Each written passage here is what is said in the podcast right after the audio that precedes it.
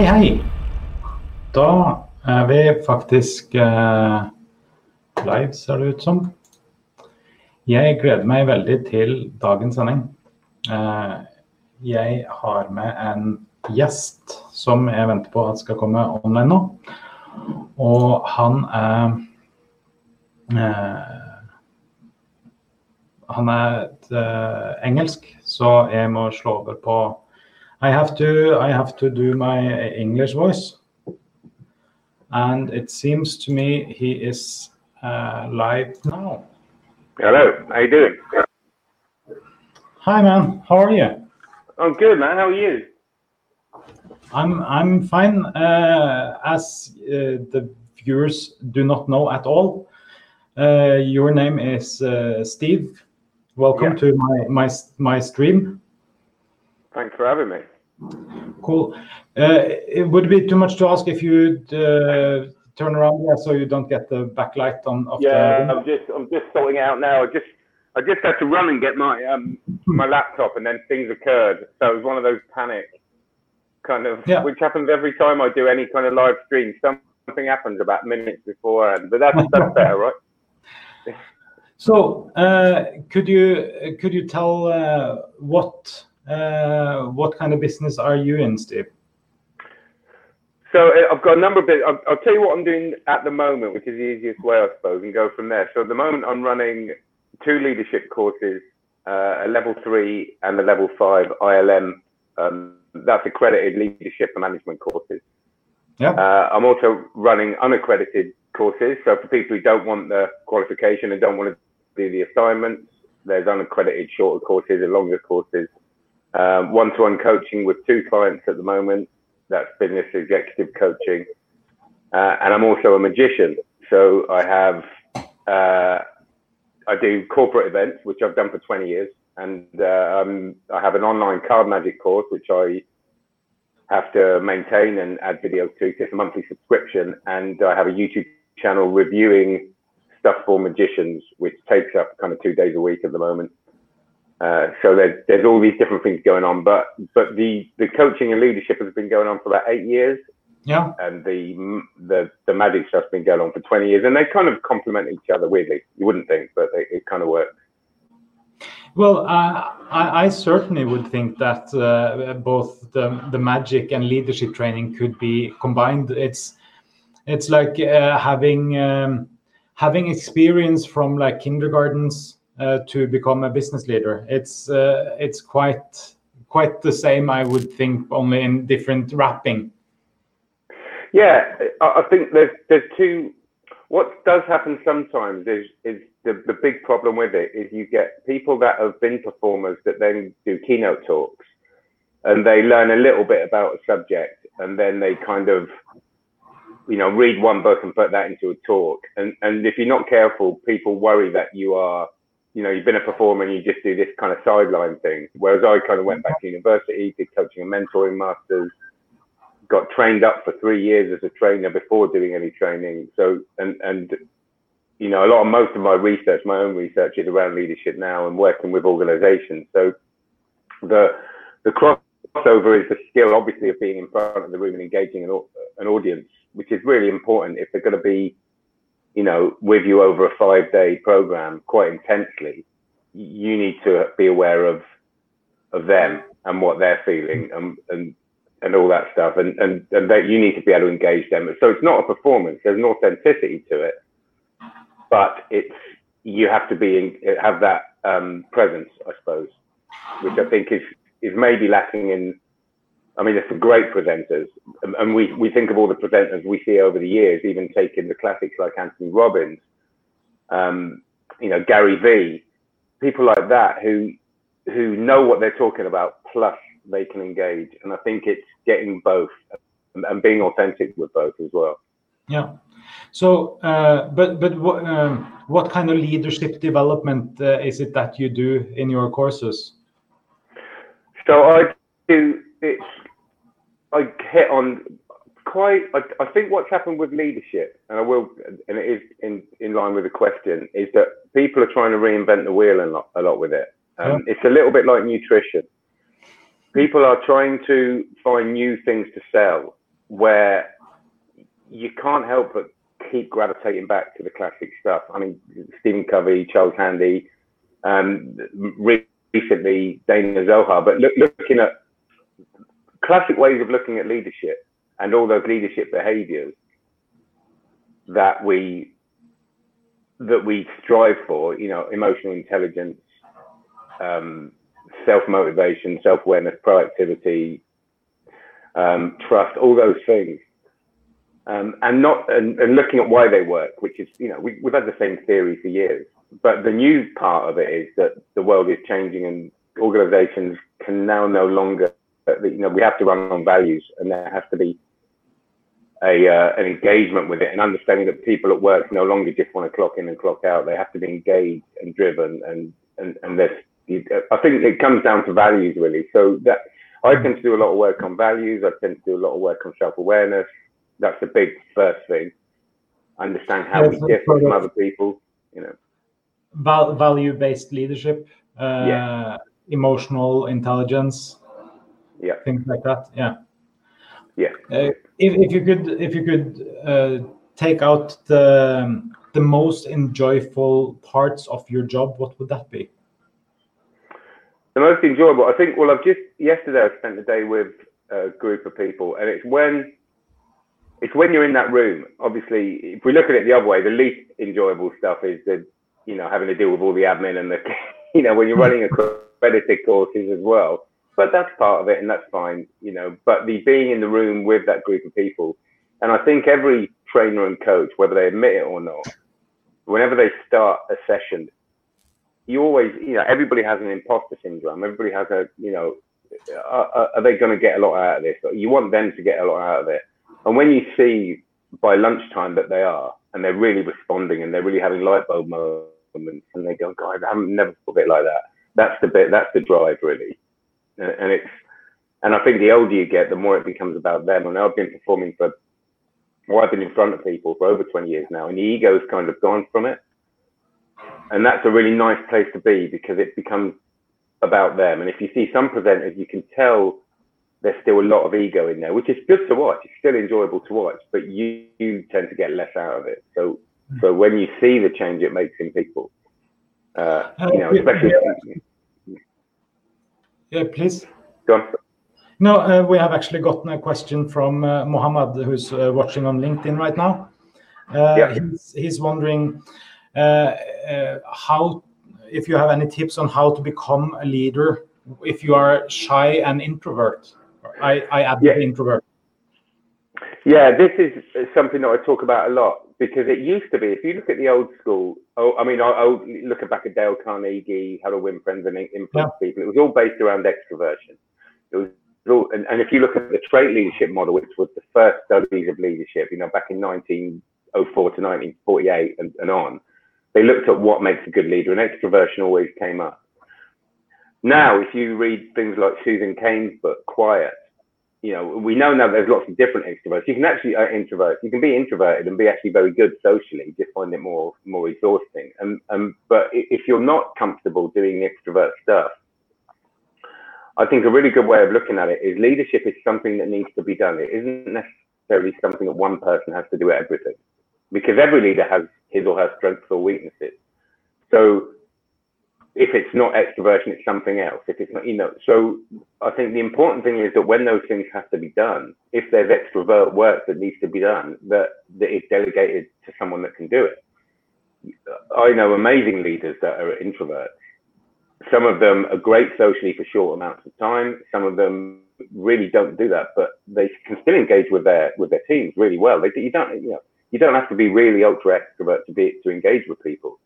You just have to do it in your way. And for those times, say like this, some people would find this very difficult. The idea of live streaming, even if they're more introverted in, in a leadership or certain types of introvert, and that's fine. And I think it's fine that that is delegated to. You, you know, you. I always think of Arctic Monkeys, right? The the band Arctic Monkeys. When they started, Alex from Arctic Monkeys was very introverted so Matt, the drummer, would do a lot of the interviews, would do a lot of the stuff. and nobody questioned it. Nobody said, "Oh, that's horrible." Why, you know? And he was the voice, and now it's uh, it's different. But that, but he was kind of the voice of the the monkeys at the time, and and over time. So as long as the the leadership happens and the communication happens, and that leader, whether introvert or extrovert, is is available, it isn't locked away in a room. You know, yeah. um, I think it's fine. It's it's absolutely fine. Yeah. So I hope that helps. Uh, Mohammed, I, I hope you felt that that answered your question. Uh, if I could sum that up, it would be if, if you are shy, uh, delegate what you have problems doing, and then also uh, try working with yourself, of course, uh, to get out of that shy bubble. But uh, as as long as you're in the process, I, am uh, my thoughts are that it's everything about it. It's a process, kind of yeah, that's a that's a really good point. Is that you? I always say that if, if you want to get better at doing the public stuff, whether you're introvert or you can, it's definitely a learnable skill. And and you look at a lot of stand-up comedians for that proof. You know, there are a lot of stand-up comedians who are great in front of the audience who are completely introverted that have learned that skill. Hmm. You have to make a choice and with all leadership development, personal development, the first thing is to understand what you are good at, what you aren't good at, look at your strengths and weaknesses. And then you'll see what your blind spots are. And you can do this through feedback from other people as well. Once you have those blind spots, you have a choice to make. You work on it or you accept it. There's no good or bad with that. It's totally fine to say, you know what, I don't want to work on that. I'm happy the way I am. I'll just delegate that to that person. As long as that I'm available, that's fine or you can put the time into work on it. If you put the time into work on it, you can build and you can improve on that. Yeah. But it's a decision. Is there anything about the the coaching, uh, the coaching part of uh, or training part of your life uh, you find to be difficult or that you don't like? Um, yeah. The, the, huh? Except the admin. Yeah, yeah. Uh, the the bit I don't like is I try not to work. Okay, the, the, the, biggest problem with leadership is not starting at the top. What you want to do in an ideal world is start as maybe as high as the board or with, just so they're aware, because you're trying to create a culture. It's creating a culture for change. So when you create a culture in an organization, you want to, you want every level of that organization to understand what's going on. So the ideal scenario, which hardly ever happens, but this is what you want, is that you start off with the board or the directors or whoever, and you might not run them through the whole program. If you can, and, and I have been part of that, that's great. But you definitely run them through a version of it, so they're aware of the of, of what you're going to be communicating to to the, the managers. So when you then work down, you create a vocabulary and an agreement throughout the organization of how things are going to be. So when you talk about, you know, things like time management, the fact that it's not okay for a director just to put loads of jobs and tasks onto you without understanding what you're currently working on and understanding what you have the capability to take on. Because the classic thing is, it's like I need you to do this, and then the the person cannot say or doesn't feel like they can say I'm sorry, but there's no room for any of this, or I can do that, but what would you like me to get rid of to be able yeah. to do that? So you open up those lines of communication.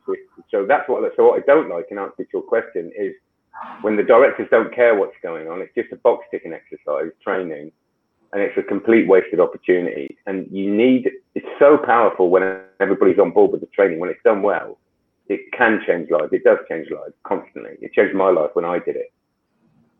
But if certain man, if, if people aren't on board with it and they're just sending a few people through and not interested in following up and seeing what happens or helping those people implement the training, then it just feels like a very empty yeah. Um, and, and slightly unethical practice yeah I, I actually remember one of my old bosses uh, we had like this yearly review and uh, in in that yearly review i got three or four tasks that should be my first priority.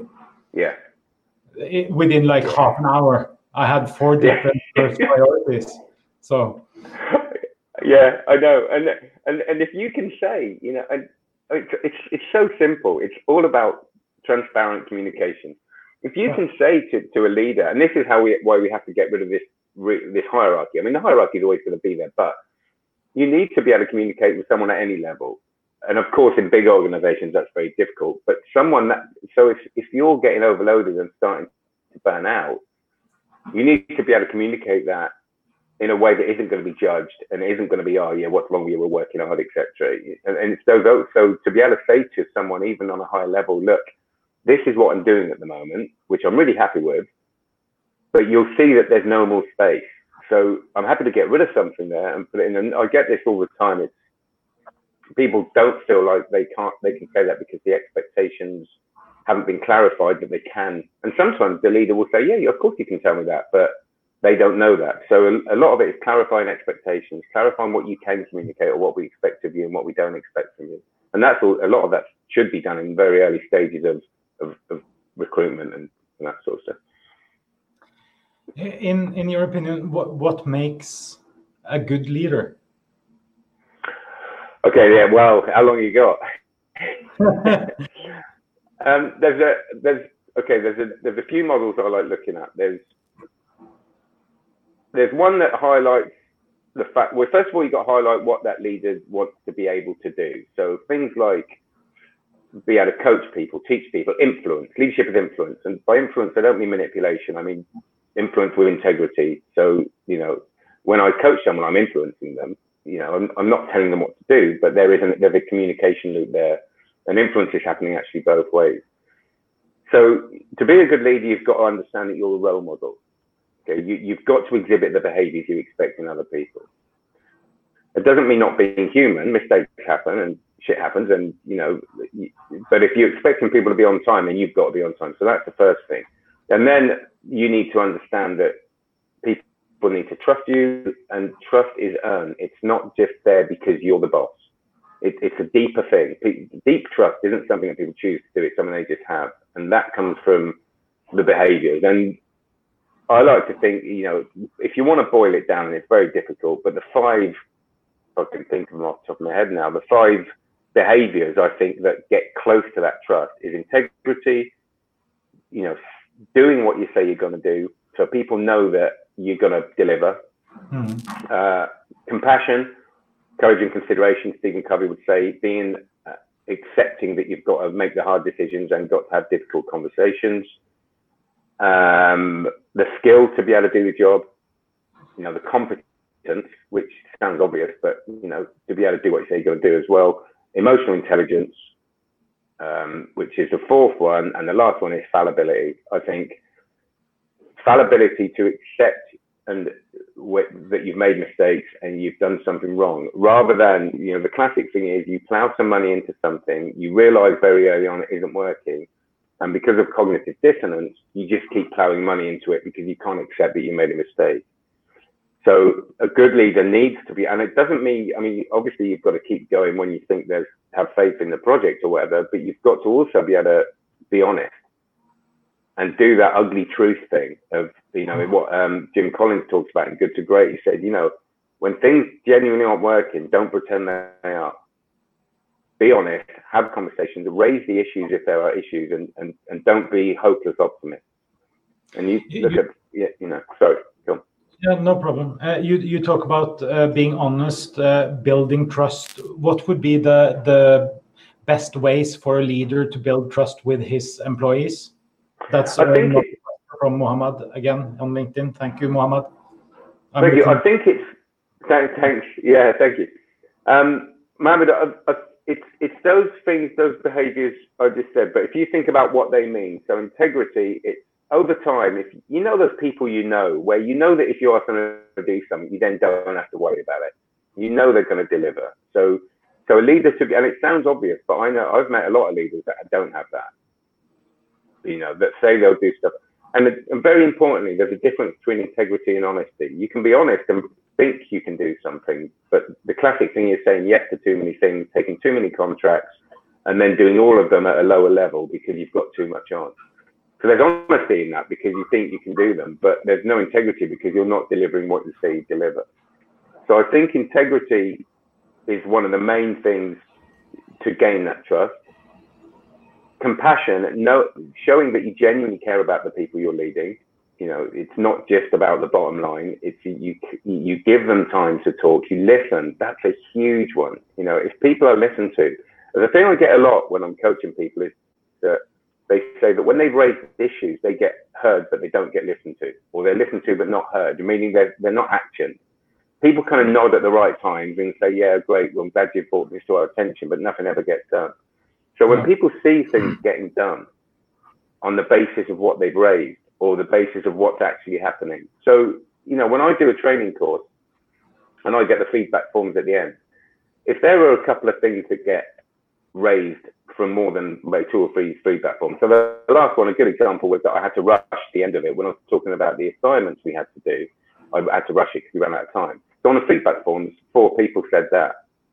So I acted on it and made a video for YouTube, a, a private video that I'm now going to send to the delegates, just going over it more slowly. So because of that, they know that I'm listening to them, that it isn't just an empty gesture. So as a leader, if you can communicate that, so make those little things, you know, if someone says something and you act on it, they will they will then start building trust with you. But um, but I'd say know that you're a role model and exhibit the behaviors that you want to see.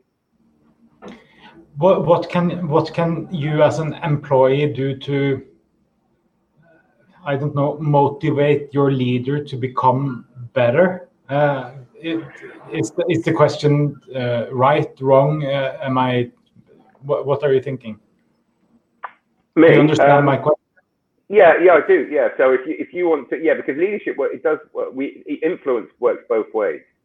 So it, it does work upwards as well. You can influence your leader. And, and actually, if you look at leadership behaviors, it's something that I would expect to see throughout the organization. We call it leadership behaviors, but you don't have to be the boss to exhibit those behaviors.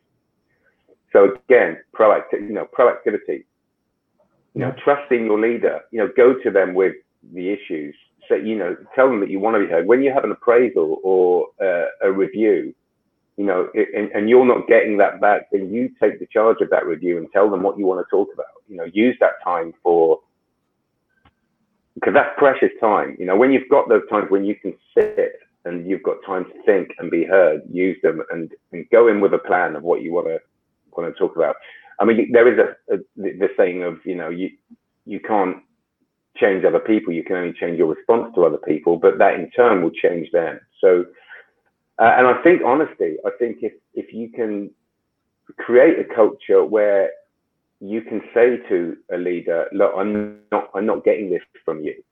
And I would like yeah. maybe word it differently, but you know, because sometimes they won't know. Some, you know, the classic thing is that um, not being motivated, not because some people in leadership positions are internally motivated. They they get get their motivation from themselves implicitly, but some people need that motivation externally from their boss or their leader. That isn't it isn't because they don't want the. It's not because they don't care. It's just because that's so a leader that is internally motivated doesn't need it, therefore forgets that other people might need it. And that's why when the training you do a lot of that, looking at what other people might need that's different to yourself. So a lot of the time, it's creating, it's saying to someone, you know, every every you know, week or two weeks, can you just check out what I'm doing and tell me if I'm on the right track? And having that that input, because a lot of managers and leaders will sort of hide away a little bit and, and worry over worry about micromanaging. So they worry so much about it that they don't manage. So they almost delegate and just, you know, but you've got to delegate and monitor and understand who out of your team needs that external motivation. And you only find out through communication. So the communication has to happen constantly.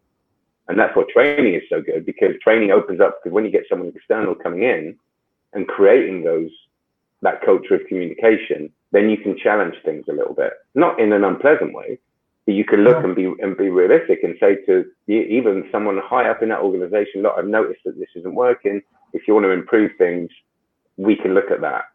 But that's very hard to do internally because there's, there's a lot at stake. Hmm.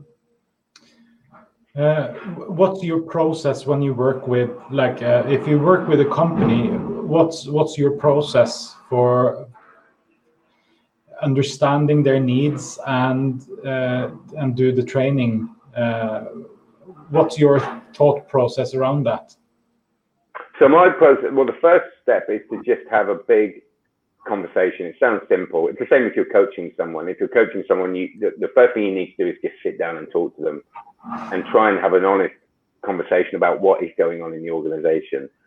A lot of the times it's the same stuff. It's lack of communication. It's yeah. you know silos is a big one. People in their little groups, almost competition within organizations. Even even so, there's a lack of team cohesion. So even though you'll have individual teams, there'll be a lack of a feeling of a whole team. So it's finding out what's going on there, and then finding out what who needs the work. And it, I tend to work with managers because they're the people that have, you know, haven't got the most influence, obviously, because they've got teams under them, etc.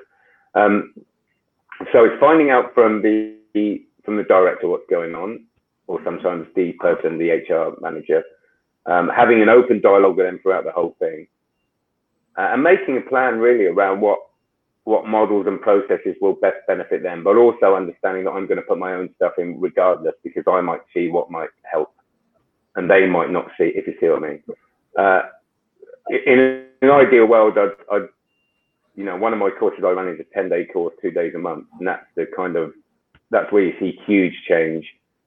But some people haven't got the budget for that. So they might only be able to run a three or four day program and that's where you really condense it down and that's when you have to talk to them about specifics about right you know if you can leave this program with your teams having one thing what would it be and usually it will be team cohesion people working better together understanding people's differences respecting each other and empathy which is another thing i should have mentioned earlier which is a huge thing you know uh, and what you're really trying to do is, is build a high performance team so understand where what you need to do to get to that and it's different for everybody, but there'll be similarities. Yeah. Uh, just just to jump a bit over to your um, uh, to your magic career thing, since that's basically uh, that's that's your foundation, sort of. Uh, what made you want to go into magic? Well, I was. It's strange. I was a well, it, I'll, I'll, do you give you a short version of a long story. I, I was a juggler as a hobby. I always like learning difficult stuff for the sake of it. So a juggler. I was in Australia, traveling around at the age of 18 or something. Uh, met another juggler who ran a magic shop, and he said, "Do you want to run my shop for three three weeks?" And uh, and he went off, and I sat in his shop and fiddled around with magic tricks. And then I ran out of money, and I used to go into bars and say, "Look, you know, you don't have to buy me a drink if I show you a trick and you like it enough, buy me a drink. And then I, that, that kept me in Australia for like another couple of months and got back. And I went to circus school for two years after that in London full time, uh, became a street performer in Covent Garden, um, which is good, a good lifestyle, good money. You know, it's doing a show for 40 minutes and then you collect money at the end. It isn't like a, a busking thing. And then uh, moved to Sheffield, wanted to run a business, and that's when I met someone who ran a leadership course who said, "Come on my leadership course, and you teach me magic, and I'll teach you business." And that was 15 years ago. Uh, and that's where that started. And then I got really, really interested in leadership and understanding that as a street performer uh, and as a business person, which I didn't even realize I had been for, for a long time. You know, I, I was a self-employed before I had to run a business, and and then when I started doing corporate events, uh, that's where the crossover was. And I've been learning to sell on the street. You know, when I do a 40 minute show and I've got 300 people around me and I want everybody to put at least one, two, five pound in the hat, I have mm. to hmm. sell that. I don't want their crappy copper money. I want, you know, and that's where a successful street performer, you're a salesperson. And I became that, but an ethical one. I wasn't trying to pull the wool over, you know, it's a really honest form of selling. You give people the product first yeah. They enjoy it. And then you say, right, I want this off you. And they go, mm. all right, you know, yeah. or they can walk away, which is yeah. great. Um, so coming into what I do now, you know, I, I always say to people, meet me first, talk to me. And if, if after that first day of training, you're not happy and people are like, that was a complete waste of time, don't pay me hasn't happened yet. uh, but it's a great model because people, you know, because you should be able to say that, you know, because you can't be training people that aren't happy with. They need to want to be there. Yeah. Um, so anyway, that was how I got into magic, and then uh, started doing corporate events. Uh, and this this is perfect now because I love the, the difference the training makes, and I still get a kick out of magic. So probably about 40, 30, 40 percent of what I do is magic gigs, and the rest is training, uh, yeah. which is which is kind of how I want it. But but would you would you uh, would you uh, go out on a limb and say that uh, anyone who um, who is listening or watching right now, uh, if they want to hire you for their company, uh, they can have one day for free, and if they, don't like it, they won't. They don't have to pay. Totally. Yeah. Yeah. If they and and, and be on it, you know, it's like yeah, yeah, I can tell what you know because you, you you always worry that they're going to have a great day and someone's just going to go, yeah, we didn't like it. Yeah, right. Um, but no, I always, you know, take me out, pay my expenses. Uh, but yeah. I don't want to work for anybody. And actually, I've just done a similar thing. I work, I've just worked for a company who basically the the people weren't really turning up for the training. You know, the, the, you know, one day we did some training, the next day there were different people there, and it, it, there was nobody was really committed. Yeah.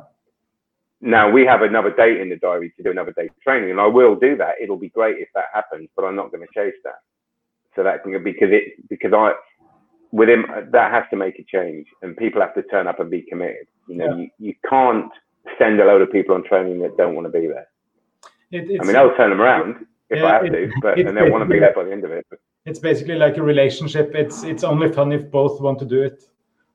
Absolutely, yeah. absolutely, and and uh, and coaching and training is about that relationship, and it's about that trust. It's the same with leadership, you know, and the only trust comes from seeing. So I am in that situation, the leader, in a way. I'm, you need to see me do what I do, yeah. And if you don't want it, I don't want to do it. you know. Yeah, I'm, I'm guessing uh, somewhere uh, either on the bottom here or on the top here. I'm gonna put a link to your uh, LinkedIn profile. Is that the best way to find you? Yeah, LinkedIn profile or leadwithsteve.com as well. Um, yeah, is my website, and I've just started a podcast, like I said to you earlier, um, uh, which yeah. is just me rambling about you know my own challenges because we all have challenges, and pretend we don't doesn't work. You know, it's about how we overcome them that's important, not pretending we haven't got them. Yeah.